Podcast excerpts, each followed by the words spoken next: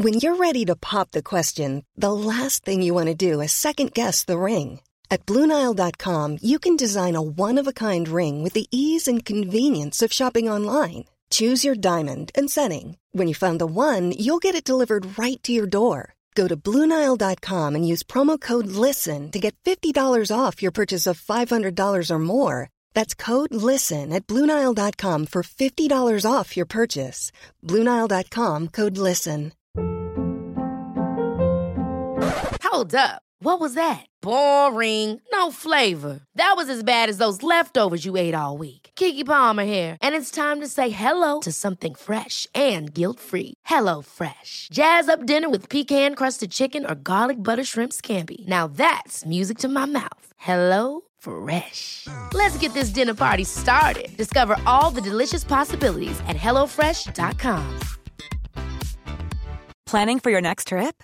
Elevate your travel style with Quince. Quince has all the jet setting essentials you'll want for your next getaway, like European linen, premium luggage options, buttery soft Italian leather bags, and so much more. And is all priced at 50 to 80% less than similar brands. Plus, Quince only works with factories that use safe and ethical manufacturing practices. Pack your bags with high-quality essentials you'll be wearing for vacations to come with Quince. Go to quince.com slash pack for free shipping and 365-day returns. I can discuss some of the psychological aspects of the case. You've got to get a hold of yourself. Now look here, Johnson, I'm going to get to the bottom of this. I can discuss some of the psychological aspects of the case. And you're really crazy, you know that? Oh, yes, I remember that. Is this any concern of yours? Stop, stop, stop it now. I mean it. Ja, hei, det er psykolog Sondre Livre her. Diagnosen er dessverre svært alvorlig. Det viser seg at alt du tenker og føler er feil. Du må for all del ikke stole på hjernen din, den lyver. Alt du opplever er filtrert via nevroser fra ubevisste avkroker. Hvis du følger nøye med, er det en liten mulighet for at jeg kan hjelpe deg. I discuss some of the I discuss some of the I discuss some of the psychological aspects of the case. Well, I'm just losing my mind, that's all. Du må ikke tro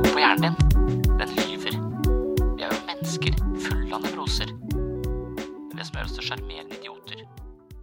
Altså, mindfulness er bare å legge merke til hva som skjer. For problemet med, med hjernen vår Det var noen forskere som mente at det er 50% av alt vi gjør i løpet av en dag, eh, er på automatikk. da. Jeg har hørt mye høyere tall enn det, men la oss si det stemmer. da, 50 Og det er jo hensiktsmessig. Hvis du våkner om morgenen liksom, og ikke husker hvordan du bruker telefonen din, eller husker hvordan du smører matpakke, det, da må du lære alt på nytt. Det er ikke hensiktsmessig. Så hjernen vår lærer jo ting, sånn at vi bare kan gjøre det uten å tenke oss sånn. Så vi bare smører og går og gjør alt dette her. Og det, jo, det gjør oss jo effektive. Det gjør at vi kan leve et liv. Men det er når den automatikken, de atferdsmønstrene Hver gang det oppstår en ubehagelig følelse, så går jeg rett på mobilen og begynner å spille disse tre på rad-spillene for å distrahere meg fra, fra, den følelsen.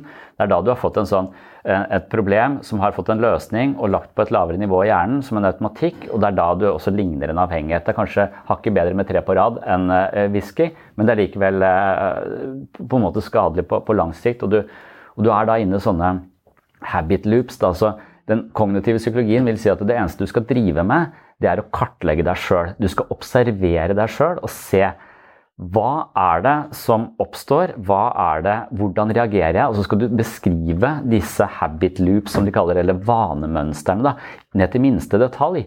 Og de mener at det kan være en ganske interessant affære og en ganske komplisert affære. For det er ikke umiddelbart lett, fordi du ofte ikke engang fornemmer hvilken følelse eller ubehag som oppstår i utgangspunktet. Du, du, er bare så rask til å begynne å bekymre deg, eller eh, begynne å spille på telefonen, eller eh, gå på nett og shoppe febrilsk, at du ikke helt vet hva som skjedde engang. Så det å hvile som en observatør til disse, disse mønstrene, det er det man skal, skal, gjøre. Og så sier de, men med en gang du gjør det, så ser du å faen, hver gang jeg blir stressa eller hver gang jeg er lei meg uh, fordi jeg har følt et eller annet, så gjør jeg sånn og sånn. Det må jeg slutte med. Og så blir du veldig handlingskåt på å gjøre et eller annet veldig raskt for, uh, mot det. Og du mener, da vil problemet være at du i neste omgang mislykkes. At, for det blir, nytt, det blir, en ny loop. Når du ser en feil ved deg selv, så skal du rette den feilen umiddelbart.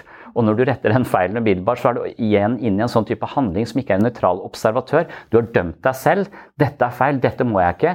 Jeg skal handle annerledes.' Og så mislykkes du, og så putter du det i banken for selvkritikk. Så, så der, eh, Vi sa jo det på, på tirsdag. så Jeg, jeg syns analogien til en forsker er ganske treffende. For jeg mener at det, hvis du skal forske på noe, så bør du være ganske nøytralt innstilt til det du skal forske på, og du bør være jævlig nysgjerrig på hva er dette, uten å være full av fordommer. Så, så eksempelet er at hvis, hvis du, er, du skal forske på nynazisme og er leder i Antirasistisk forening og hater nynazister og mener at de skal uh, korsfestes, så vil ikke du være den beste forskeren. Du vil ikke stille nøytralt. Ja, 'Interessant gruppe mennesker, dette her. Hva slags ideologi er dette? Hva, hva, er det en homogen gruppe?' Altså, det, det mange, du blir ikke den beste sosiologen hvis du hater nynazister, og det er feltet ditt.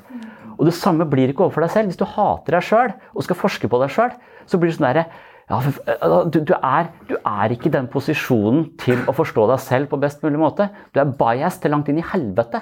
Og langt de fleste mennesker er fordomsfulle overfor seg selv. De har ikke forskerens åpne blikk på det de undersøker, når de undersøker seg selv. Og det er kjempe, Jeg tror det er hovedproblemet til folk i forandring. At de dømmer det. Typisk meg er så, uh, så dum. Ja, så dum er jeg. Så ser du det. Altså, det er, det er, en, det er verdens verste forsker. Jeg mistenker at hvis du bare Hvis du er forsker, så, og du er en god forsker, så beskriver du så nøytralt som mulig det du ser. Og så skriver du det i en eller annen uh, tidsskrift som ingen leser. Men hvis du skriver det et sted som folk leser det, så kan det være at den informasjonen Selv om du ikke sier hva du skal gjøre med den informasjonen, men en gang du har den informasjonen, så er det en påvirkning på deg, enten du vil eller ikke. Du kan ikke ikke, ikke ha lest den artikkelen. Nå vet du om dette, og du har sett det, og du ser det kanskje i deg selv.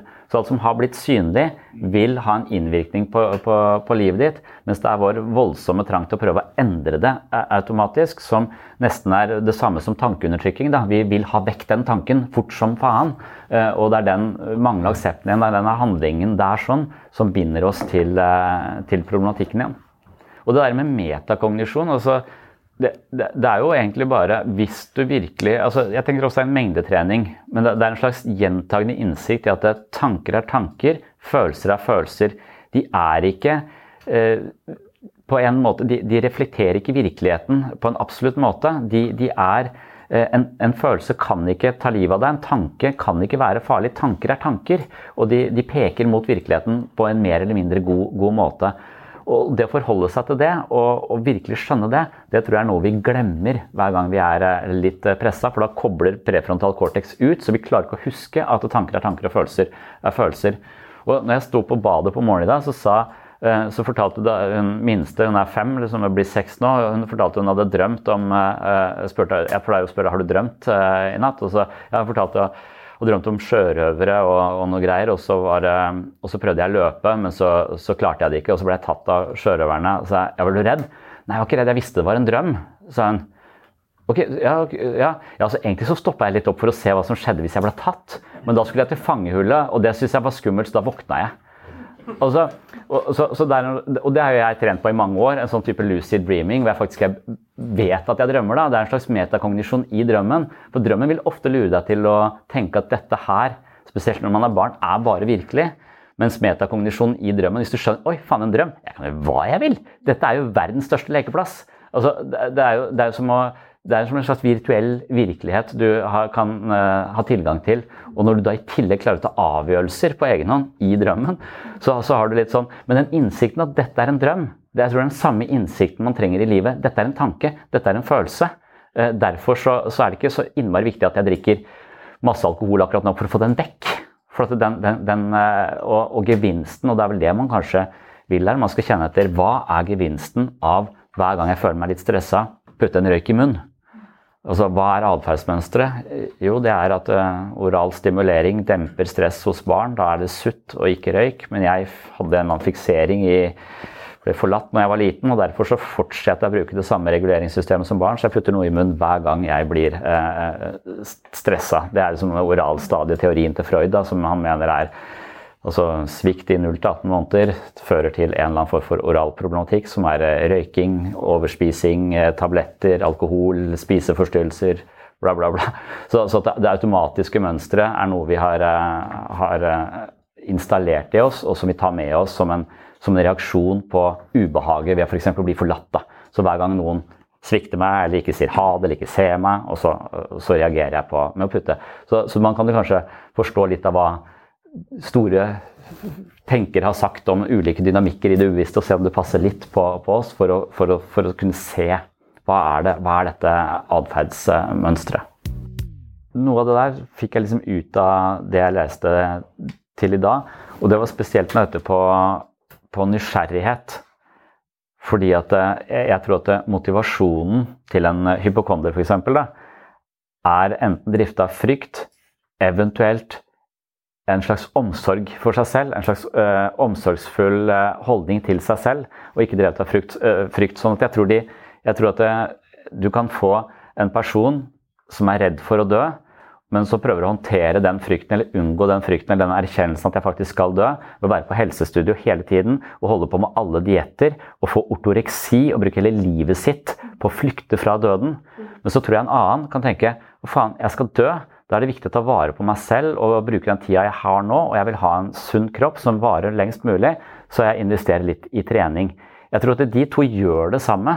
Men, men når det blir sykelig, så er det fordi det er ikke en, basert på en vennlig omsorg for meg selv og en erkjennelse av de faktiske forholdene. Det er en slags flukt fra døden. så Enten så løper du fra døden, eller så aksepterer du døden. Men du gjør det samme.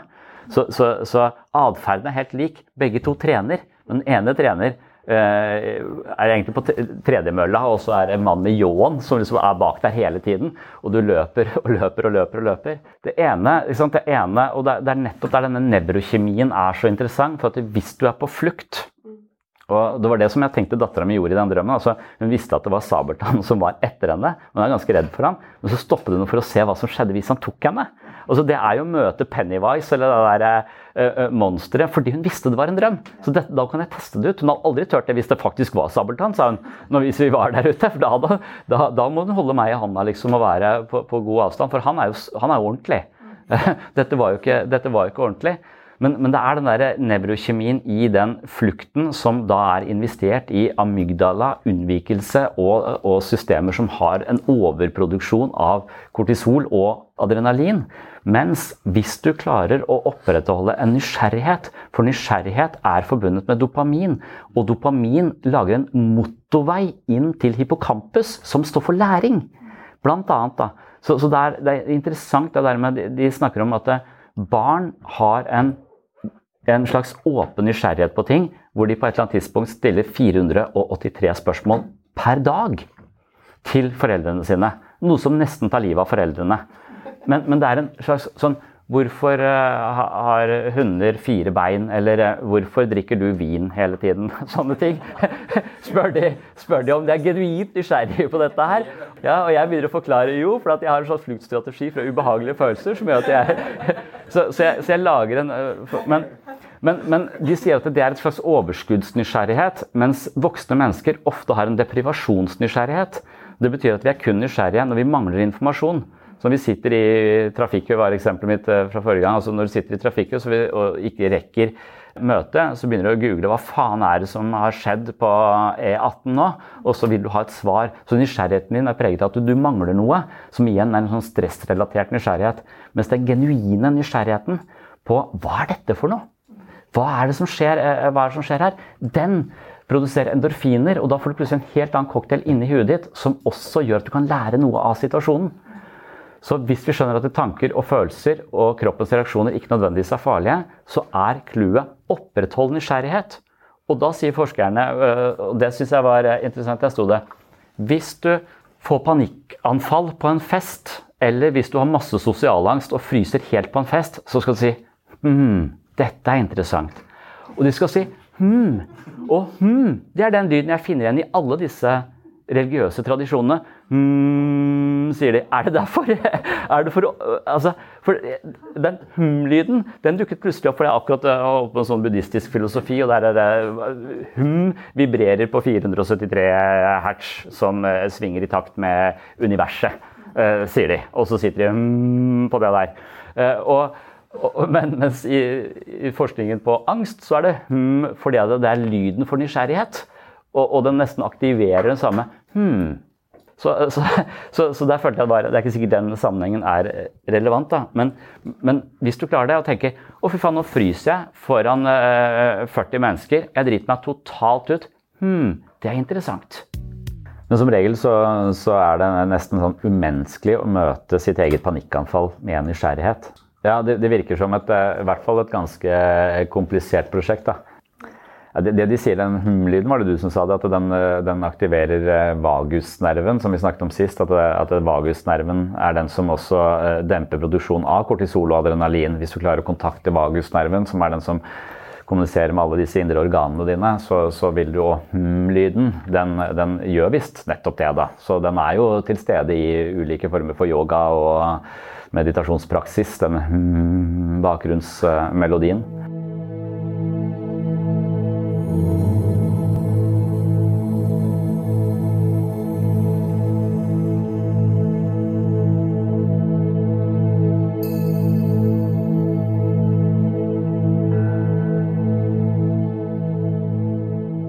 For det, det er akkurat som nysgjerrighet kan kontre frykt.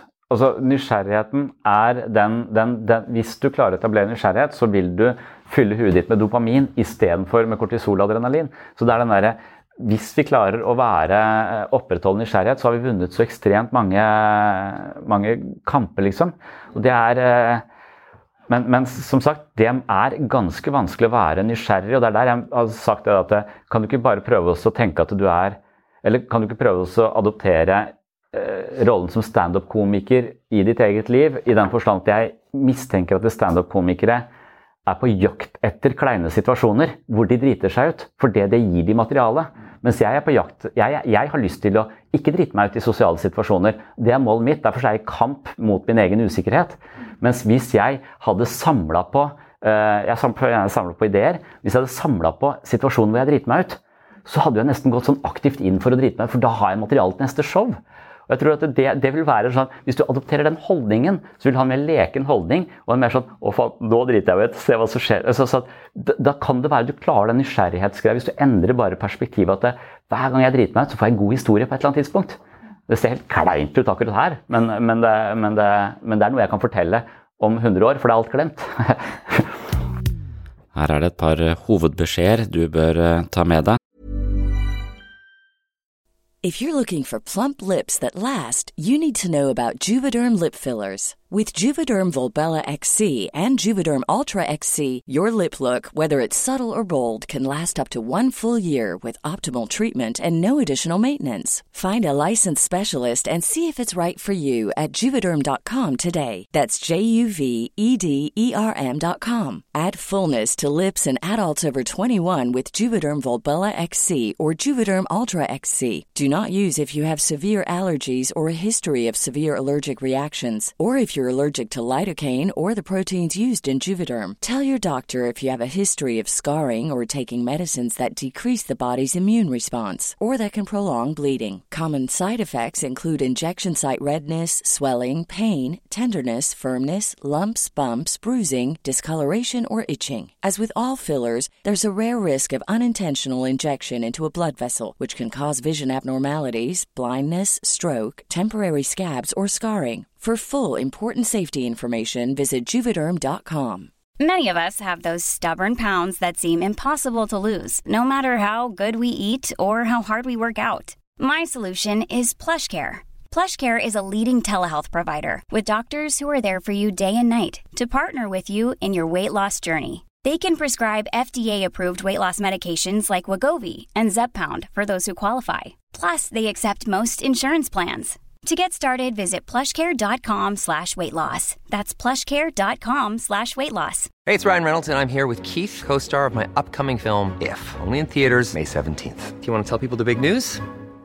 All right, I'll do. Sign up now and you'll get unlimited for $15 a month in six months of Paramount Plus Essential Plan on us. Mintmobile.com slash switch. Upfront payment of $45 equivalent to $15 per month. Unlimited over 40 gigabytes per month. Face lower speeds. Videos at 480p. Active Mint customers by 531.24 get six months of Paramount Plus Essential Plan. Auto renews after six months. Offer ends May 31st, 2024. Separate Paramount Plus registration required. Terms and conditions apply if rated PG. Det første er dette med et uh, vennlig og åpent uh, sinn, altså møte deg selv og dine egne psykiske algoritmer, atferdsmønstre, uvaner og tilbøyeligheter med raushet, ikke med fordømmelse og selvkritikk. Her er det den nøytrale forskeren som er idealet. Hvis du skal drive og forstå deg selv, og du er full av fordommer mot deg selv, så vil ikke det du forstår ha noe særlig verdi. I verste fall så vil det du ser kanskje være riktig, men det vil ikke føre til noen endring, bare mer selvkritikk. Så vær raus og interessert. Og dette med interesse som er kalibrert i riktig retning, det er også utrolig viktig hva angår nesten alle former for psykisk ubehag hos oss mennesker. For interessen vår er ofte å komme oss vekk fra det, komme oss ut av ubehaget, og derfor så setter vi i gang alarmtiltak og bruker den dosen vi har fått av kortisol og adrenalin på unnvikelse, frykt og rett og slett eh, panikkstrategier. Det vil føre til et ganske destruktivt mønster hvor eh, angsten ofte smører seg utover hele livet. Det å unngå angsten, det å begynne å løpe fra seg selv når vi opplever psykisk ubehag, det er nettopp den strategien som kronifiserer ubehaget. Så her er det snakk om å være nysgjerrig på en annen måte. Det er snakk om å være nysgjerrig på hva foregår her og nå, siden kroppen min reagerer så voldsomt. Og det å klare å være interessert og nysgjerrig på sine egne algoritmer og ikke henfalle til fluktstrategier og febrilsk vri seg unna den smertefulle opplevelsen, det er det som ikke er spesielt intuitivt for oss mennesker, men det er likevel veien å gå for å komme ut av sånne destruktive angstspiraler. Så vær nysgjerrig, si hm, hva er det som foregår akkurat nå? Og som jeg nevnte, så er denne hm-lyden, den går igjen i mange store visdomstradisjoner, og det er interessant. Det er noen som mener at denne hm-lyden rett og slett aktiverer vagusnerven, som bare ved hjelp av lyden rett og slett demper ubehaget du har, eller rett og slett demper produksjonen av kortisol og adrenalin, og rett og slett eh, drar litt av den energien du bruker i amygdala ut på andre deler av hjernen, sånn at kroppen finner ro. Så hm, det er en ganske potent lyd, eh, viser det seg, både når den eh, nynnes av munker i et tempel i Tibet, og når den brukes for å ikke flykte fra seg selv, men stoppe opp for å være nysgjerrig til stede i hva er det som foregår. Hvis du klarer å opprettholde en åpen nysgjerrighet, så vil hjernen produsere dopamin istedenfor masse kortisol og adrenalin, og dopamin det lager en motorvei inn til hippocampus, sånn at du faktisk kan ha et åpent sinn og lære noe av den situasjonen du er i. Og det å bare nøytralt observere sine egne reaksjoner, det er veien å gå. Men hvis du med en gang du ser noe nytt om deg selv, blir innmari ivrig på å endre det umiddelbart, så er sjansen for at du mislykkes ganske stor, og så vil du kanskje komme inn i denne atferdsspiralen som heter å prøve, og så får man det ikke til, og så hater man seg selv, og så prøver man febrilsk en gang til, og så får man det ikke til igjen, og så blir man enda mer desillusjonert og selvkritisk. Så vær forsiktig med å hoppe til konklusjoner eller begynne å endre atferd umiddelbart. Bruk en del tid på selvobservasjon, og noter deg det du oppdager. Ikke gjør det til utgangspunkt for noe som skal, eh, du skal endre i løpet av den neste uka. Vær heller til stede i deg selv og observer det som foregår, og bruk tid på det. Tanken er at eh, forandring er en bivirkning av denne observasjonen. men Hvis du aktivt går inn for å forandre deg, så er sjansen for å havne i disse destruktive spiralene mye, mye større. Så det var vel eh, kort sagt eh, hovedbudskapet i det lille utdraget du nå hørte fra et lengre foredrag om stress og stressmestring og hvordan vi skal forstå og håndtere angst. Grunnen til at jeg legger ut her som en bonusepisode, er fordi jeg synes forholdet mellom å si hm, det er interessant, og virkelig klare å opprettholde en nysgjerrig holdning, og denne hm-lyden som går igjen i alle de store visdomstradisjonene, det synes jeg er eh, litt gøy å tenke over. Det kan være helt tilfeldig, men det er likevel et eller annet med denne hm-lyden som gjør noe med oss mennesker. Og hvis du vil vite mer om det, og hvis du vil undersøke disse visdomstradisjonene litt mer, så er det en viktig del av uh, mitt eh, mentale treningsstudio. På denne Sinnsyn-appen så har jeg laget en hel avdeling med lydbilder fra de østlige visdomstradisjonene som ofte sentreres rundt denne lyden, og selv om jeg er litt skeptisk til eh, ja, at denne lyden svinger i takt med urlyden i universet og er den samme frekvensen som svinger i celler og i resten av kosmos, så er det likevel et eller annet med denne lyden som har eh, vært ganske fruktbar for meg når det gjelder å finne en meditasjonspraksis som jeg syns er eh, god og hensiktsmessig. Så det å ha denne mm, munken i bakgrunnen som nynner på dette mantraet, det har vist seg å være et eh, bakgrunnsbilde som har eh, hjulpet min meditasjonspraksis ganske mye. Og jeg har flere ideer om denne hm-lyden og de østlige visdomstradisjonene og hvordan de kobler seg opp mot våre vestlige antagelser om eh, psykisk helse, så hvis du vil vite mer om det, så er det inne på Sinnsyn-appen. Under denne seksjonen som handler om mindfulness og meditasjon, der er det også en helt egen seksjon for disse østlige meditative lydbildene, hvor en munk tar deg inn i eh, sinnsro og sjelefred med en suggererende stemme som uh, gjentar et uh, mantra rundt denne hm-lyden gang på gang på gang. Det kan også fungere som en uh, måte å feste oppmerksomheten sin på, sånn at resten av denne kontemplerende og grublende hjernen vår kan få en velfortjent pause. Så hvis du er mer interessert i det, så er det altså på Sinnssyn-appen, som er gratis å laste ned, men du må tegne et abonnement hvis du skal få tilgang til alle disse seksjonene som eh, er der inne på mitt mentale treningsstudio. Og nå avslutter jeg med noen flere refleksjoner rundt denne hm-lyden og ideer fra de østlige tradisjonene, og hvordan det kan være med som eh, manualer på mitt mentale treningsstudio. I de østlige visdomstradisjonene har man mange ulike praksiser for meditasjon. Blant de mest kjente er en mestende mørk røst som gjentar en kort regle rundt lyden av hum. Hum er et mantra som annet nynnes av tibetanske buddhistmunker. Det mantraet du hører her, kalles for Padma Sambhava og assosieres med balanse og fred.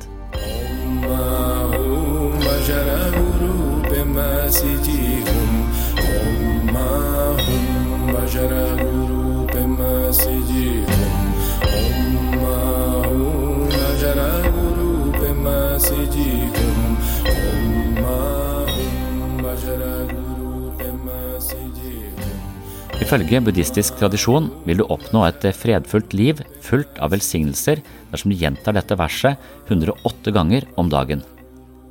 Trolig er tallet tilfeldig, og poenget er nok at den buddhistiske gjentagelsen av rim og regler med mørke toner er en del av meditasjonspraksisen. Det handler om å hvile sin oppmerksomhet i en litt suggererende stemme som messer de samme ordene igjen og igjen.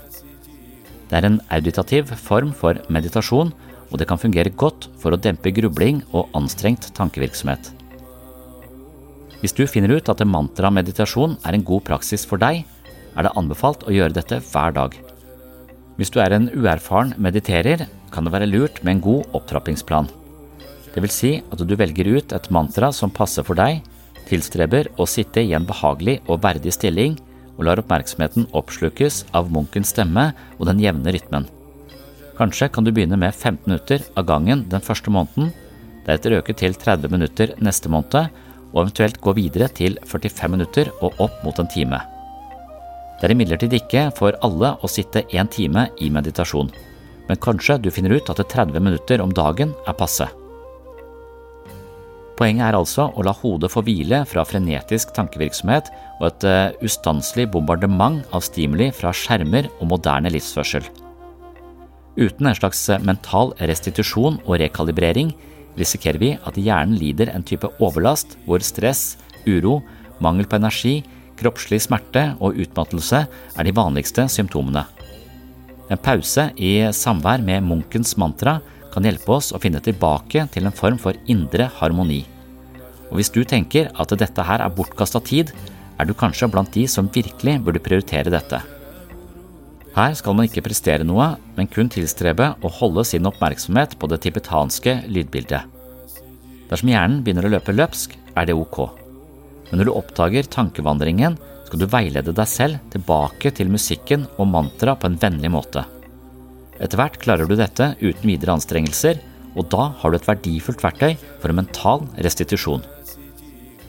Munkene har en mestende og særegen måte å nynne seg inn til et fredfullt sinn. I Sinnssyn-appen får du en rekke lydbilder hvor en erfaren munk tar deg med inn i sin suggererende rytme. Flere av lydbildene fra de tibetanske munkene drives fremover av en dyp stemme og en hummende lyd. Lyden er ikke tilfeldig valgt, og det viser seg at de dype tonene på sett og vis kan fylle vår oppmerksomhet på en måte som demper bekymringer, uro og andre anstrengelser som oppstår i et rastløst sinn. For å finne ro og mental hvile er det viktig at vi ikke lar hjernen kjøre på høygir hele dagen, og det er derfor meditasjon som regel sikter på å ikke involvere seg i mental støy. I løpet av en vanlig hverdag vil et gjennomsnittsmenneske bombarderes med stimuli fra smarttelefoner og urbane miljøer. Det er ikke bare det at mange lever et stressende liv, men bare det å utsette seg for den digitale tidsalderens malstrøm av stimuli er en voldsom påkjenning for vårt mentale apparatur. De fleste ønsker ro og hvile, og de fleste må ha det for å falle i søvn. Men opp mot 45 av oss har problemer med søvnen.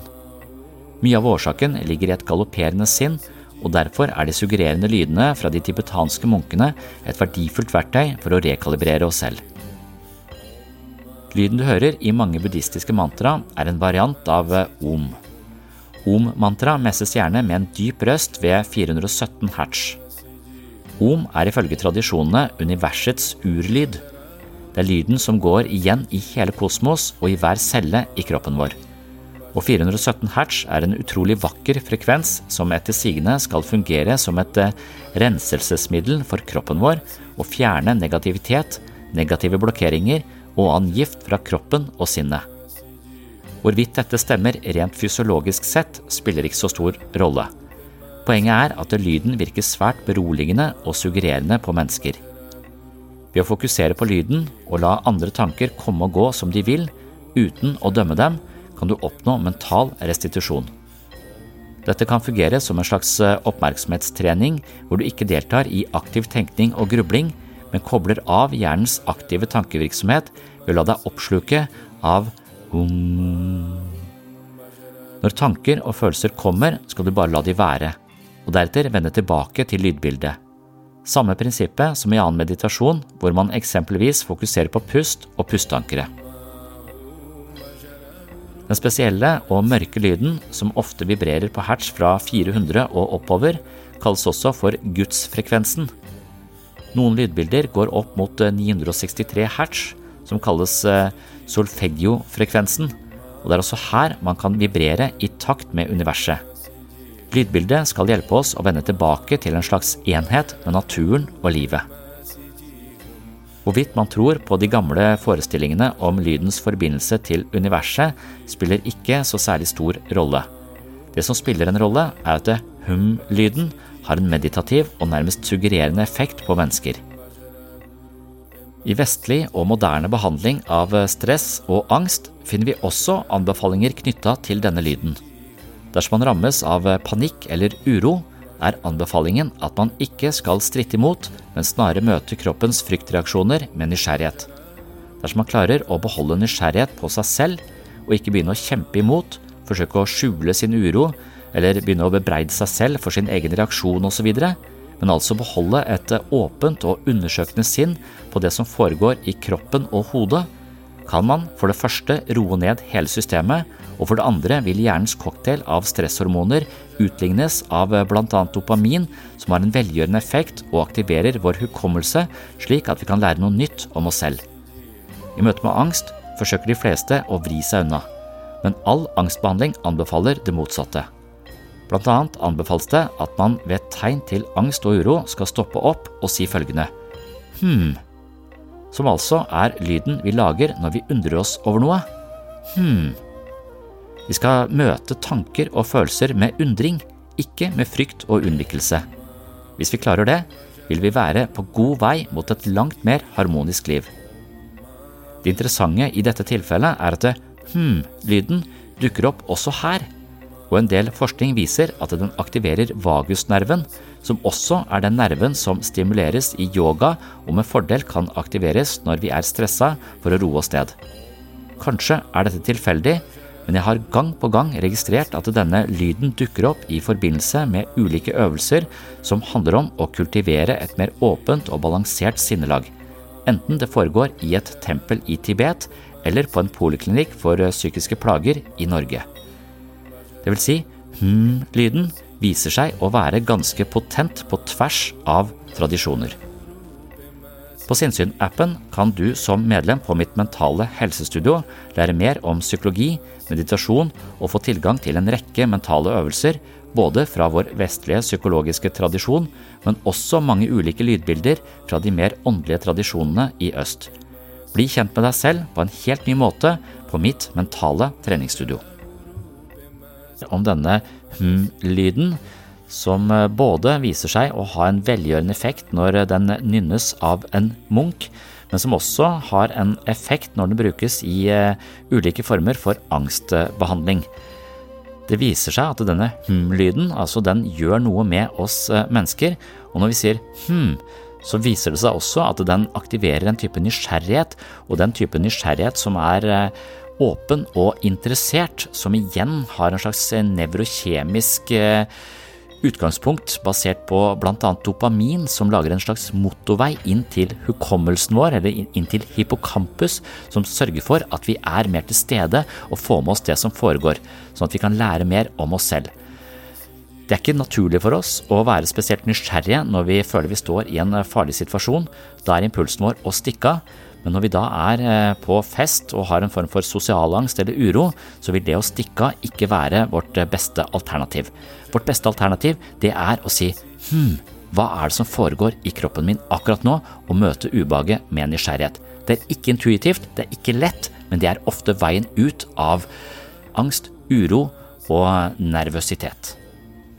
Og det interessante er jo at denne hm-lyden altså dukker opp på tvers av ulike tradisjoner både i øst og vest.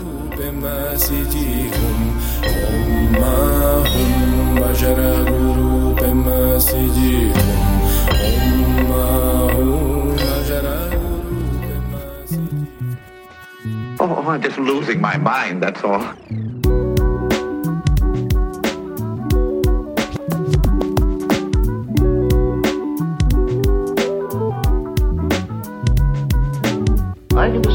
The I can discuss some of the I can discuss some of the psychological aspects of the case. Psycho, psycho, psychological aspects